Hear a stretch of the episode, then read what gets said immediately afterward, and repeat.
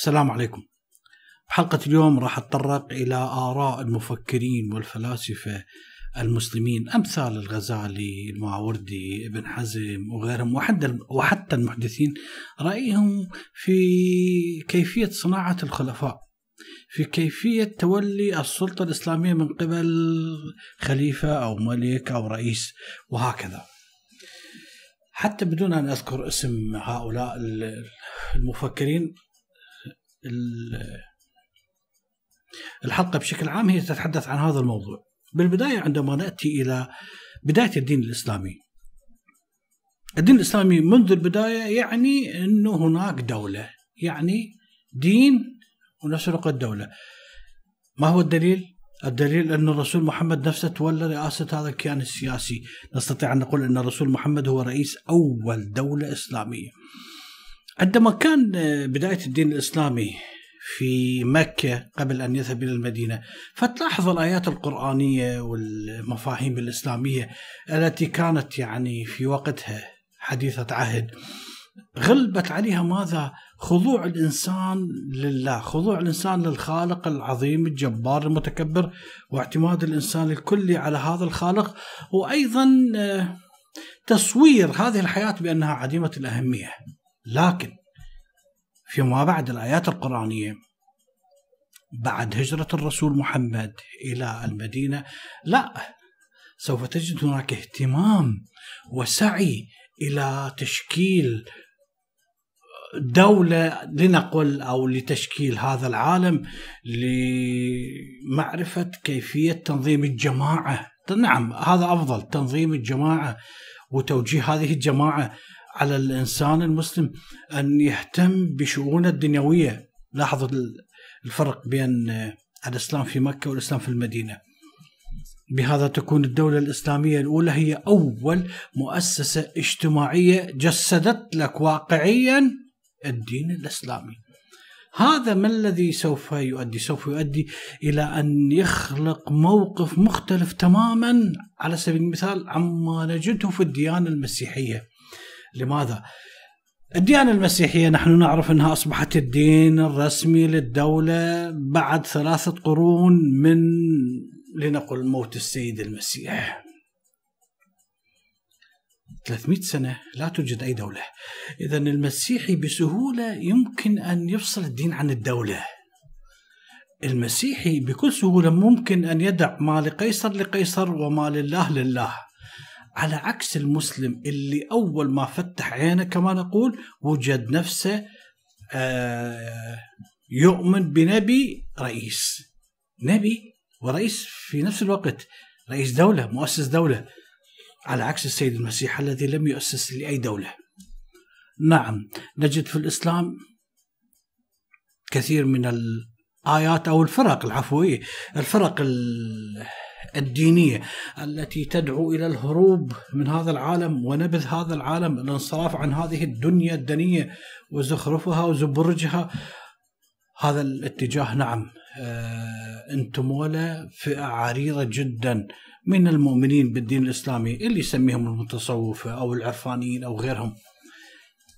وأيضا إذا نعرف أنه بالإسلام لا توجد جهة عليا تقرر لك مصير الدين وما يخرج عن هذا الدين وحدود هذا الدين بالتفصيل. يعني كما موجود عند الكنيسة الكاثوليكية والبابا هو اللي يقرر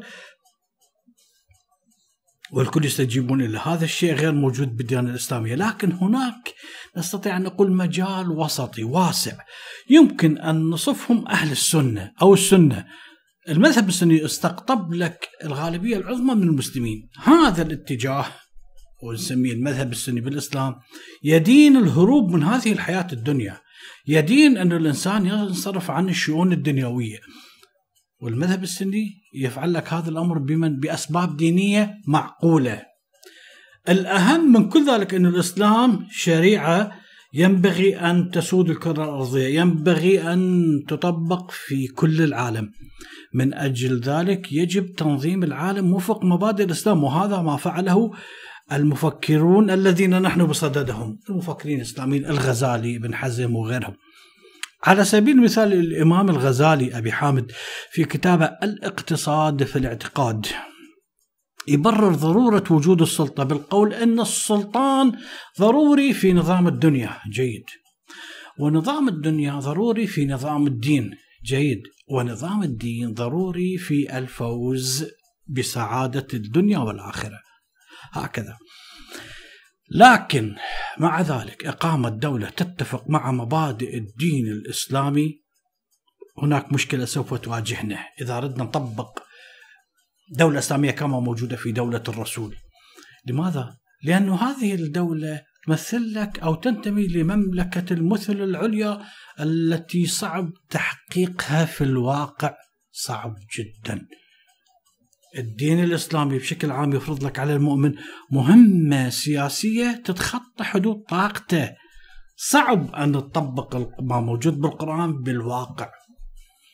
السبب أنه لا يوجد في القرآن الكريم على سبيل المثال تشريعات دستورية ضخمة لهذه الدولة اللي ممكن أن أن يقيموها المسلمين في المستقبل. كذلك رجال الدين علماء الدين سميهم علماء الشريعة المبكرين لم يهتموا بالتفكير في بنية الدولة يعني تفكير منهجي في البدايات على الأقل.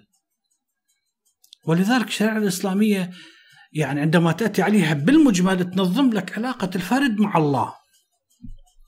نعم وتنظم لك علاقة الفرد بالناس بشكل عام. لكن الميدان العام دولة قوانين هذا ما يحظى باعتبار كبير جدا. نعم توجد خطوط عريضة. لكن لا يوجد تفاصيل ممكن أن نركن إليها. لذلك مطالب الدين من الدولة مطالب ذات طابع عام. ممكن أي شخص يفسره كما يريد. لا يوجد بها تفصيل. هذا الأمر نفسه ممكن أن يصدق على دولة الرسول محمد اللي تولى أمرها شخصيا بنفسه قاد هذه الدولة. ولا والأجيال اللي أتت من بعد الرسول محمد كانت تنظر أو نظرت لهذه الدولة بتمجيد بوصفها تحقيق للدولة المثالية لحد اليوم. هناك من ينظر إلى هذه الدولة على اعتبارها هي قمة في المثالية، لكن الواقع أن تلك الدولة مهما كانت اللي أسسها الرسول محمد هي مستمدة من البيئة التاريخية اللي كان عايش بها الرسول محمد. هل يمكن أن نسلخ مبادئ الرسول محمد؟ أنا أقصد المبادئ بالدولة ونطبقها بعد 100 200 ألف 2000 سنة؟ هو, هو هذا السؤال. هنا المعضلة. إذا في هذه الدولة سواء دولة الرسول محمد أو الدولة اللي نظريا عند المفكرين المشرع هو الله. لا يوجد مجلس تشريعي وبرلمان شرعي المشرع هو الله. طيب الله شرع عن طريق الشريعة القرآن اللي نزلت مرة واحدة إلى الأبد في القرآن الكريم. هل في استطاعة البشر أن يغيروها؟ لا ليس في استطاعة أي أحد أن يغيرها لكن باستطاعتهم أن يفسروها. نعم السلطة كلها في يد من؟ في يد الله. الله هو اللي يختار إنسان اللي هو نبي من كل البشر وجعل وسيط بينه وبين بقية البشر. وأيضا هذا النبي سوف يخلف خليفة ملك سلطان إمام بينه بين الله وبين البشر.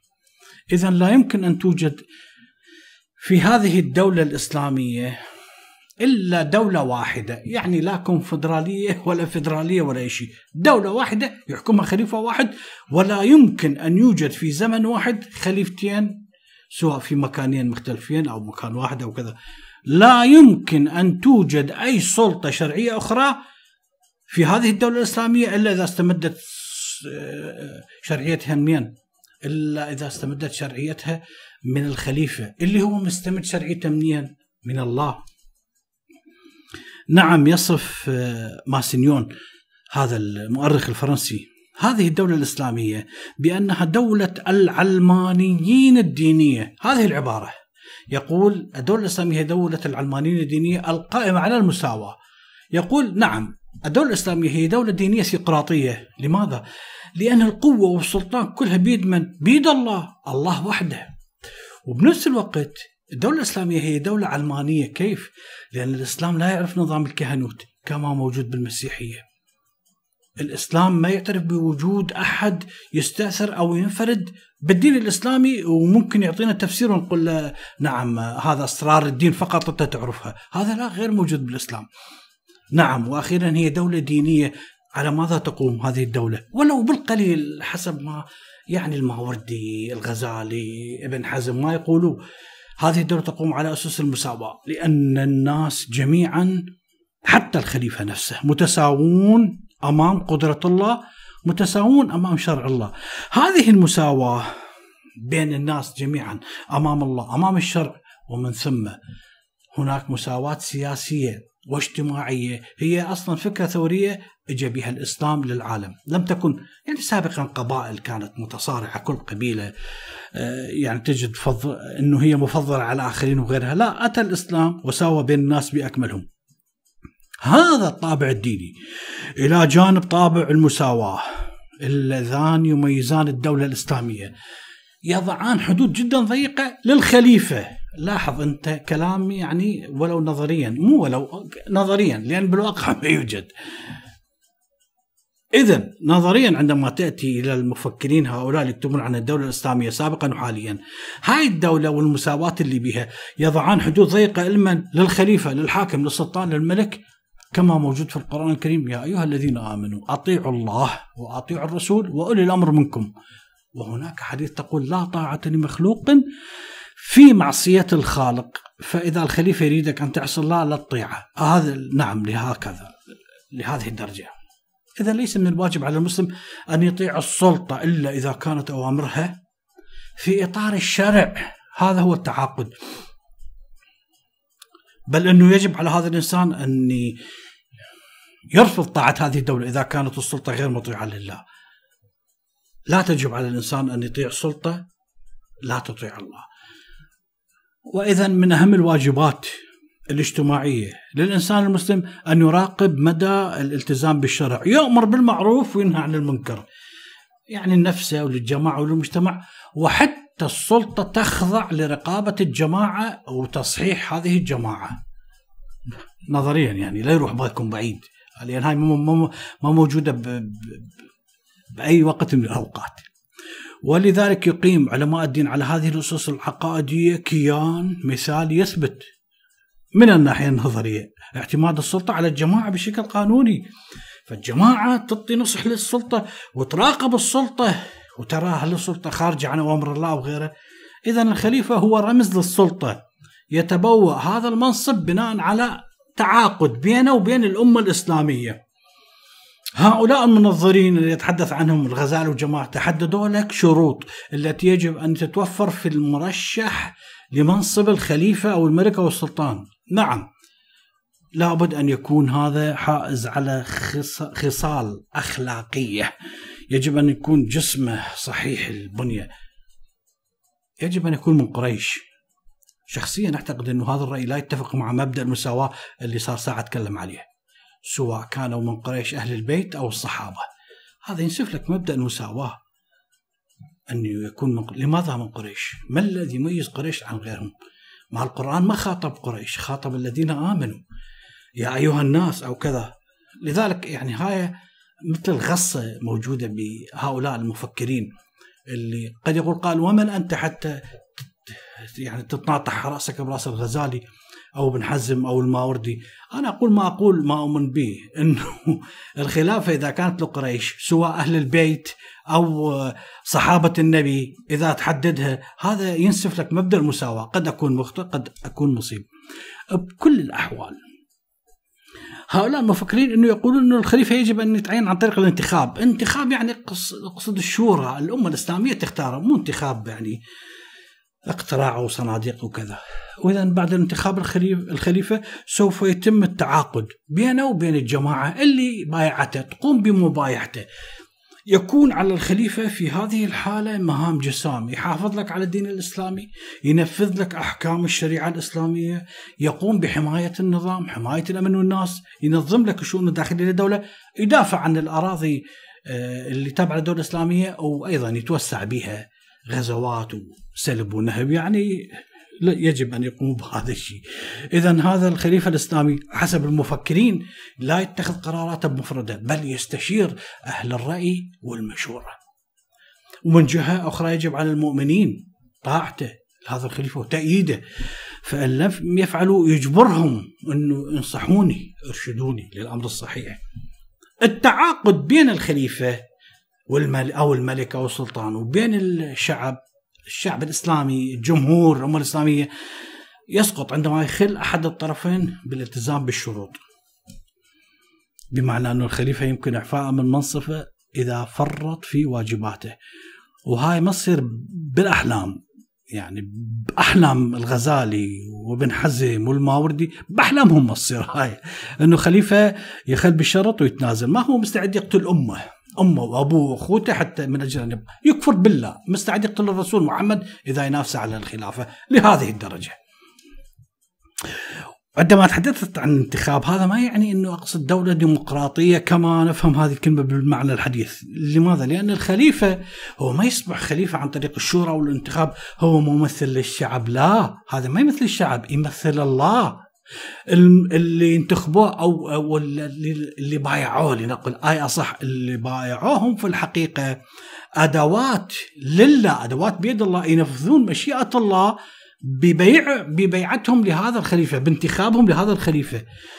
لأن الخليفة أصلا يعني هو مو يمثل إرادة الشعب لا يمثل إرادة الله يمثل مشيئة الله. هذا هو المثل الأعلى الدولة اللي صعب أن يتحقق بالواقع التاريخي. لن تستطيع أن تعثر عليه على هذا النموذج في أي حقبة تاريخية، حكم الدولة الإسلامية كبيرة من الصين إلى إسبانيا امتدد لك أطماع السلطة والخلفاء والتنافس فيما بيناتهم. يا عقيد يا امه اسلاميه تختار يا شورى يا غيرها. هنا راح يحدث أول انقسام في الإسلام بسبب النزاع حول الخلافة. أول ما تحدث عن سقيفة بني ساعدة لا هذا موضوع ما يعني ليس لم يكن انقسام إلى تأثير لحد الآن كبير كما سترى. أول انقسام حدث حول النزاع حول السلطة والخليفة والخلافة بعد مقتل الخليفة عثمان بن عفان ثالث الخلفاء الراشدين. قد يقول قال إنه الخلاف مجرد خلاف سياسي، لا هو ليس خلاف سياسي خالص لأن هذا النزاع أدى إلى نشوء حركتين غير ملتزمتين بالسنة هما الشيعة والخوارج على أثر مقتل عثمان. هاتين الحركتين عندهم فلسفتهم تصورهم الديني والسياسي للدولة اللي يختلف عن السنة. الشيعة تلتف حول الإمام الروحي والذي تجعله بهالة من السحر والكرامة والمعجزات والخوارق وال وال وال وال إلى آخره بحيث يجب أن يكون من سلالة الرسول محمد علي بن أبي طالب وولده فقط هؤلاء هم بقية الأمة الإسلامية مو من حقها أنه يرشحون نفسهم أو كذا أو هاي فقط هذا وأيضا هذا الخليفة اللي هو علي وأبناء الله وهب العصمة معصومين من الله وغيرها. وهي كلها عليه علامة استفهام لكن مو هذا موضوعنا. على العكس من الشيعة يرى الخوارج إنه الجماعة الأمة الإسلامية أكثر أهمية من الخليفة. هذا رأي جدا جميل. رأي حقيقي وواقع يعني. إنه الخلافة العفو الناس أهم من الخليفة. وأن الناس أو الأمة الإسلامية هم هؤلاء هم اللي يحملون السحر والكرامة والعصمة والجلال وليس الخليفة رضي الله عنه أو تقول عليه السلام أو الخليفة أيا كان. الأمة هي اللي تستحق التبجيل والتقدير والإحترام والعصمة وغيرها. بل أن هناك فريق من الخوارج قالوا لا أصلا لا توجد أي ضرورة على الإطلاق لوجود أي خليفة. لدرجة أنه قسم منهم خلوا خليفتين خليفة دفاع وخليفة هجوم يعني بالحرب هذا يتحكم وهذا يتحكم بال... وهكذا يعني لهالدرجة لكن مع ذلك الخوارج باكملهم يتفقون على أمر جدا رائع أنه الانتماء القريش ليس شرط لازم لتعيين الرجل في منصب خلافة، لماذا قريش؟ ما الذي يميز قريش عن بقية المسلمين؟ هذا رأي جدا جميل من الخوارج. الأهم أنه قالوا انه الإنسان الصالح ايا كان اصله وفصلة ومن أين ما اتى ما دام إنسان صالح وعقلية زينة لماذا نختار لماذا نختاره خليفة؟ ما الذي يميز قريش عن البقية؟ إذا عندما يعلن الخوارج أنه يجب الثورة يجب الخروج على الخليفة الظالم بل أنه الخروج عليه واجب حتمي واجب حتمي على الجماعة وأنه هذا الخليفة آه، في حالات كثيرة يجب أن يعدم. هذا تطور منطقي. صحيح راح تقول متطرف. نعم متطرف. متطرف بالنسبة للمثل الإسلامية العليا للدولة. اللي تجعل الخليفة خليفة الله وما يجوز أحد يعني كذا. لا الخوارج وناس يعني نستطيع نستطيع أن نقول عنهم عمليين براغماتيين. شو اسمهم؟ سمي. هاي الآراء بالنسبة للشيعة وبالنسبة للخوارج تصطدم بالصميم مع يعني نستطيع أن نعتبرها متطرفة بالنسبة للآراء الإسلامية السنية. متعارضة معها تعارض شديد إذا سوف يتهم يتم اتهام هذين المذهبين بالخروج عن الإسلام وبأنهما من أهل البدع الخوارج وكذلك الشيعة.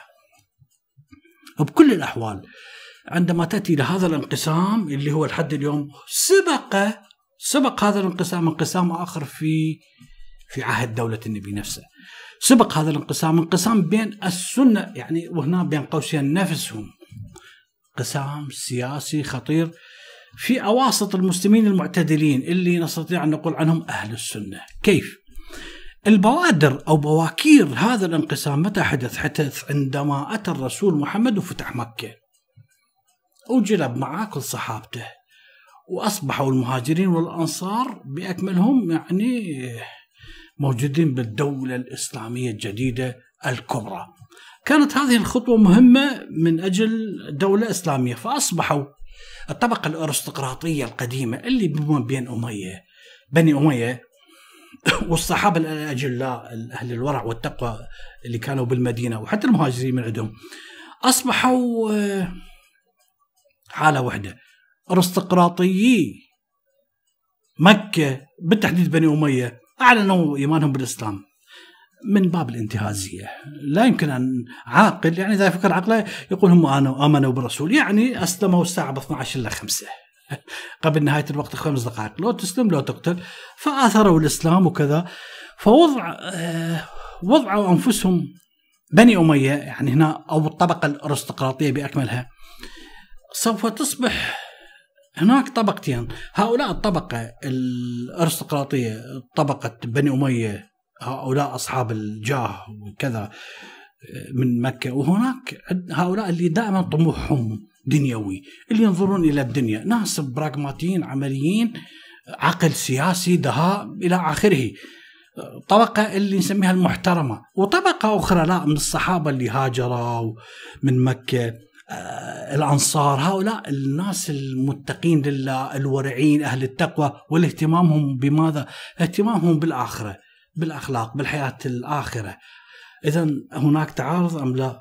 نعم هناك تعارض. طيب كيف يحل هذا التعارض؟ استطاع الرسول محمد وأبي بكر الصديق وعمر بن الخطاب يحلون هذا التعارض لكن لم يحله لا عثمان بن عفان ولا علي بن أبي طالب. سنرى كيف.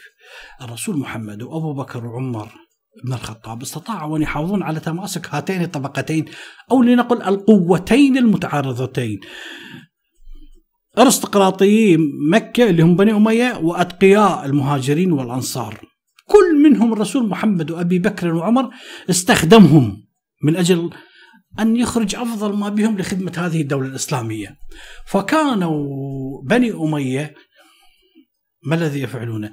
قاده الجيش حتى أبو سفيان بدأ يقاتل بالفتوحات أو غيرها أو مثل معاوية اللي عين عمر بن الخطاب على والي على الشام أو غيره فأصبحوا قادة للجيوش وأصبحوا ولاة قيادة الدولة قيادة إقليم هاي مو سهلة مو أي إنسان متقي لله يقدر يديرها.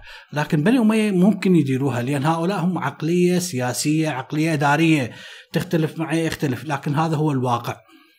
بينما هكذا استفاد منهم الرسول محمد وأبي بكر وعمر. طيب ماذا استفادوا من أهل الورع والتقوى المهاجرين والأنصار؟ استفادوا من عندهم المشورة. كانوا يحرصون على إبداء آراء ومشورة للخليفة بالمدينة المنورة. لحد الآن الأمور جدا زينة. الأمور الانقسام أين حدث؟ الانقسام حدث للأسف الشديد في خلافة الأموي عثمان بن عفان. عثمان بن عفان كما معروف هو رجل أموي. وفي عهد فساد إداري. ولا أتهم عثمان شخصيا ولكن البطانة الأموية كانت فاسدة جدا في داخلها فحدث محاباة جدا كبيرة لمن البني أمية مما أثر على ماذا؟ أثر على أنه حتى ثورة ضد عثمان وهو ذهب ضحيتها وزعزعت تلك الدولة الإسلامية. طيب في عهد علي بن أبي طالب؟ نفس الشيء. علي بن أبي طالب لم يؤثر الأمويين لا آثر من؟ لنقل أهل السنة الصحابة المهاجرين والأنصار اللي موجودين بالمدينة. آثرهم ضد بني أمية. إذا أيضا آثر كفة على كفة وأيضا الأمور ما استقامت له. إذا الأمور استقامت للرسول محمد ولأبي بكر الصديق وعمر بن الخطاب لأنه استطاع أن يوازن هذين الأمرين. عثمان بن عفان ما استقامت له لأنه فضل بني أمية على أهل الورع والتقوى وعلي بن أبي طالب ما استقامت له لأنه فضل أهل الورع والتقوى على بني أمية. بمعنى أنه أبي بكر الصديق وعمر الخطاب كانوا سياسيين. على العكس من عمر بن الخطاب وعلي بن أبي طالب. إحنا نعرف إنه بعد وفاة علي بن أبي طالب سوف يستولي الأمويين على الخلافة. يصبحون هؤلاء اللي نسميهم ذوي الاتجاه الدنيوي. من السنة اللي نسميهم لهالدرجة أصبحوا هم اللي يحكمون. كان علي بن أبي طالب ترك العاصمة اللي هي المدينة وذهب إلى أين؟ ذهب إلى الكوفة نفس الشيء سووا الأمويين تركوا أيضا العاصمة اللي هي وقتها كانت الكوفة وحتى المدينة وحكموا وين؟ حكموا تقريبا قرن أو 80 سنة في دمشق. وبذلك ابتعدوا عن من؟ ابتعدوا بأنفسهم عن تأثير أهل الورع والتقوى الموجودين بالمدينة. اذا سوف تكون عندهم معارضة من طرفين. الصحابة المهاجرين والأنصار الورعين الأتقياء اللي عينهم على الآخرة وهم هؤلاء لنقل عنهم سنة كانوا معارضين لبني أمية والثوريين أهل البدع أهل البدع الشيعة والخوارج أيضا معارضين للدولة اذا بعد ذلك شعروا الطرفان بأنهم يعني أهل الورع والتقوى الصحابة الأجلاء والشيعة والخوارج هؤلاء الطرفين شعروا أنه فقدوا وزنهم السياسي. وصلت المعارضة إلى حرب أهلية لدرجة أنه الخوارج والشيعة ما اقتصروا على إعلان خلفاء منافسين للخليفة ينازعوه بالحكم بل شاركوا يعني حتى في يعني قدماء الصحابة من المهاجرين والأنصار شاركوا في ثورات ضد الدولة الأموية. اتهم الخلفاء الأمويين من جانبهم خصومهم بأنهم ماذا؟ بأنهم آه، حاولوا أو العفو الخلفاء الشيعة والخوارج والمهاجرون والانصار اتهموا الدولة الامويه بأنهم تخلوا عن مبادئ دولة الرسول تخلوا عن أخلاق دولة الرسول فحولوها إلى ملكية دنيوية بل وثنية أشبه بالوثنية خليفة يعبد وهكذا أصبح والحقيقة أن الموضوع ليس لهذه الدرجة. هم بني أمية هؤلاء الناس يعني بنلاحظ إحنا نتحدث هنا عن دولة ما نتحدث عن دين ولا عن أخلاق. أعرف أن الدولة ما بها أخلاق والدولة اللي بها أخلاق تنهجم ما تستمر. الدولة يجب أن يكون ما عندها دين. إذا تريد تأسس دولة لا تتحدث عن دين وعن أخلاق. فبني أمية خلعوا على الدولة الإسلامية طابع جديد. فساروا على سياسة الأسر الحاكمة التي يتعذر عليها التوفيق بين انتخاب آه، خليفة وبين آه، يعني استقرار الحكم. والحقيقة كلام صحيح لأنه تخيل كل ما يموت خليفة يأتي شورى وكذا. أين تتحقق هذه الشورى؟ كيف تتحقق؟ بينما النظام الملكي على علاته هو ممكن يثبت يعني يستقر يسوي استقرار البلد كما العباسيين 500 سنة أو هم بني أمية 100 سنة لولا الخلافات بيناتهم. شورى صعب تتحقق في كل فترة وأخرى كما يكتب لنا اياها الغزالي وابن حزم وغيرهم. من ضمن المثال اللي عليهم أنه بني أمية نقلوا لك مقر الحكم إلى دمشق بعيدا عن أهل الورع والتقوى من الصحابة وغيرهم هذا كلام يعني أيضا خير ما عملوه الأمويين إنه نقلوا مكانهم دمشق لأنه الدولة يجب أن ما تخضع لتأثير ديني، الأمويين براغماتيين. فتعال يعني أنت بين مجموعة من الأنصار ومهاجرين ما تستطيع أن تكون دولة، يعني هذا كلام أنت بكيفك تقبل لا. ولا. وأيضا من المثالب عليهم الأمويين إنه استلهموا من التراث البيزنطي أو الروماني دولة عالمية تحت حكم ملك واحد. هذه ناس طموحات بني أمية ولذلك هم ما قصروا. وبدأوا أيضا في تقليد الملوك الفارسيين. في طريقة حكمهم في إدارة الدولة وغيرها. وكما ذكرت انه الدولة لا دين لها. واعتقد إن الأمويين أفضل من حكم. وهنا ما أتحدث عن الأخلاق. إذا تحدثني عن الأخلاق أقول لك إنهم بلا أخلاق. يعني أعتقد أجزم إنه معاوية لا يؤمن لا بالله ولا برسول الله ولا يؤمن بالقرآن ولا يؤمن بأي دين. لكنه مضطر إنه بحكم هذه الدولة إنه يحافظ على الإسلام. الإسلام وصل إلى مرحلة إنه يحكم. ف فما المانع إنه يعني يأسس دولة قائمة على الإسلام؟ نعم الدولة الأموية أجدها أفضل من الدولة العباسية بكثير لأن العباسيين أقرباء النبي سوف يكونون آل النبي أو أهل البيت. وتعال يا عمي شيني هذولا بريح النبوة فيهم. بينما الأمويين لا معروفين أنه أصلهم أمويين معادين للنبي أمهم آكلة الأكواد وهكذا فما توجد عندهم قدسية. الأمويين عندما يعني ظلمهم التاريخ العباسي اللي انكتب وبحيث شوه صورتهم هم مو أنبياء هم بشر وعندهم كل شيء غرائز وغيرها. لكن التاريخ العباسي ظلمهم. وأنا شخصيا أجد انه عمر بن عبد العزيز هذا الرجل العادل الأموي الرجل القريب من الله هذا ما يصلح الدولة. لأنه أشبه بالأخوان المسلمين حاليا عندما تأتي. نعم هو عادل هو رجل آه، آه، يعني ضع آه، صفات جيدة منا رأس الشارع. نعم لكن كدولة هذا رجل ما يصلح الدولة. يصلح الدولة شخص بينه وبين نفسه ما يؤمن لا بالله ولا باليوم الآخر، لا ديني مثل معاوية، مثل عبد الملك بن مروان، مثل هشام بن عبد الملك، هؤلاء اللي يصلحون للدولة. عمر بن عبد العزيز يعني يريد يسوي دولة مثالية مثل علي بن أبي طالب، دولة مثالية ما تطبق بهذه الأرض لو يوذن، ما تطبق. صعب تطبق التعاليم لذلك الأمور استقامت لأبو بكر وعمر لأن جمعوا سياسة ودين. بكل الأحوال كما ذكرت انه كثير من الناس قد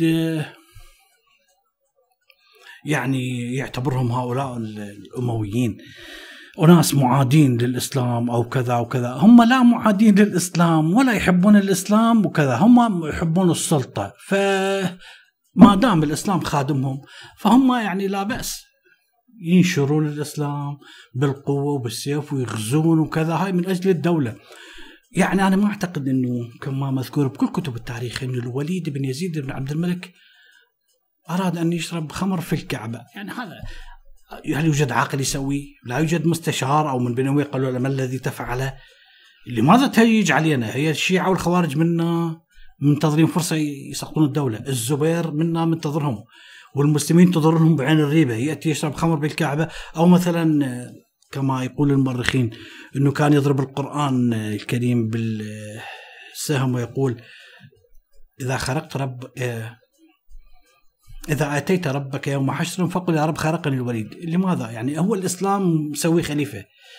فهو لا يعني لا يمكن أن يتصرف تصرف يهدم دولته. هم ما عندهم مشكلة لا ويا الإمام الحسين ولا ويا الزبير. تعوفنا بحالنا عافيك بحالك. لا والله الثور علينا يقطعوك 100 وصلة، الزبير يهجمون الكعبة على رأسه إذا صار عليهم، وإلا البقية ما عندهم مشكلة، يعني لا يوجد عقد أو أو أو كذا لا هم عندهم دولة. لذلك اعتبروا أي محاولة تثور عليهم للتمرد عليهم هي في حكم المعارضة للإسلام، تمرد عليه، تمرد على الإسلام، تهديد الوحدة الجماعة وهكذا. اذا وقفوا في وجه خصومهم سواء كانوا من أهل السنة الورعين الموجودين بالمدينة واقعة الحرة كذا أو اللي موجودين بمكة أو من فرق الشيعة وفرق الخوارج بكل حزم حاربوهم وبكل قسوة لدرجة أنهم لم يتورعوا عن آه، ضرب الكعبة بالمناجق. الحجاج بن يوسف الثقفي في عهد عبد الملك بن نوران سنة 72 للهجرة رجم الكعبة بالمناجق.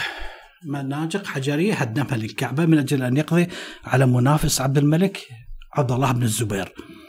إذا هذه صراعات مريرة. ماذا كشفت؟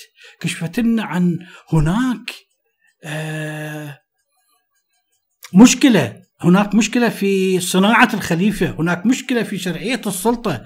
هذه المشكلة سوف تلعب دور جدا كبير بالقرون القادمة. إذا بوقتها بدأوا العلماء رجال الدين صحابة الرسول التابعين تابعين تابعين بدأوا يجمعون أحاديث للنبي. أحاديث النبي التي سوف تصبح مصدر رسمي لعلوم الشريعة والدين. زين؟ فكانت المواقف مختلفة. وكانت الصراعات السياسية تلعب لعب في جمع هذه الأحاديث. كان من الطبيعي أن يجد كل طرف شيعة خوارج أهل الورع والتقوى من صحابة رسول الله من السنة لنقل الأمويين. أربع أطراف عندنا ثلاثة أطراف عندنا العفو. كل كل فرق من هاي الفرق سوف تجد أحاديث أو توجد أحاديث. واضح؟ تجد أحاديث أو توجد أحاديث تعزز وجهة نظرها. الجناح الورع من أهل السنة الصحابة والأنصار الموجودين وأحفاد وأولادهم وأحفادهم الموجودين بالمدينة سوف ينشرون أحاديث تبين حدود الالتزام بواجب الطاعة. فيوصف لك هذا المؤمن الذي يسقط في الصراع مع الخليفة الظالم بأنه شهيد وبأنه آه، كلمة حق أمام سلطان جائر وهكذا غيرها.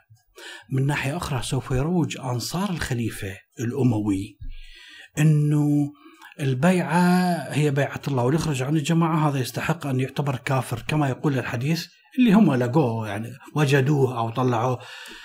من أراد أن يفرق أمر هذه الأمور جميع فيقتلوا بالسيف كأن من كان. وهكذا سوف نجد كل فريق يجد أو يوجد أحاديث تدعم رأيه. حلقة اليوم هاي البداية فقط. سوف نتحدث بحلقات قادمة عن هؤلاء المفكرين الغزالي الماوردي ابن حزم وغيرهم. اللي وضعوا أسس لصناعة الخلفاء. انتهت الحلقة وشكرا لكم.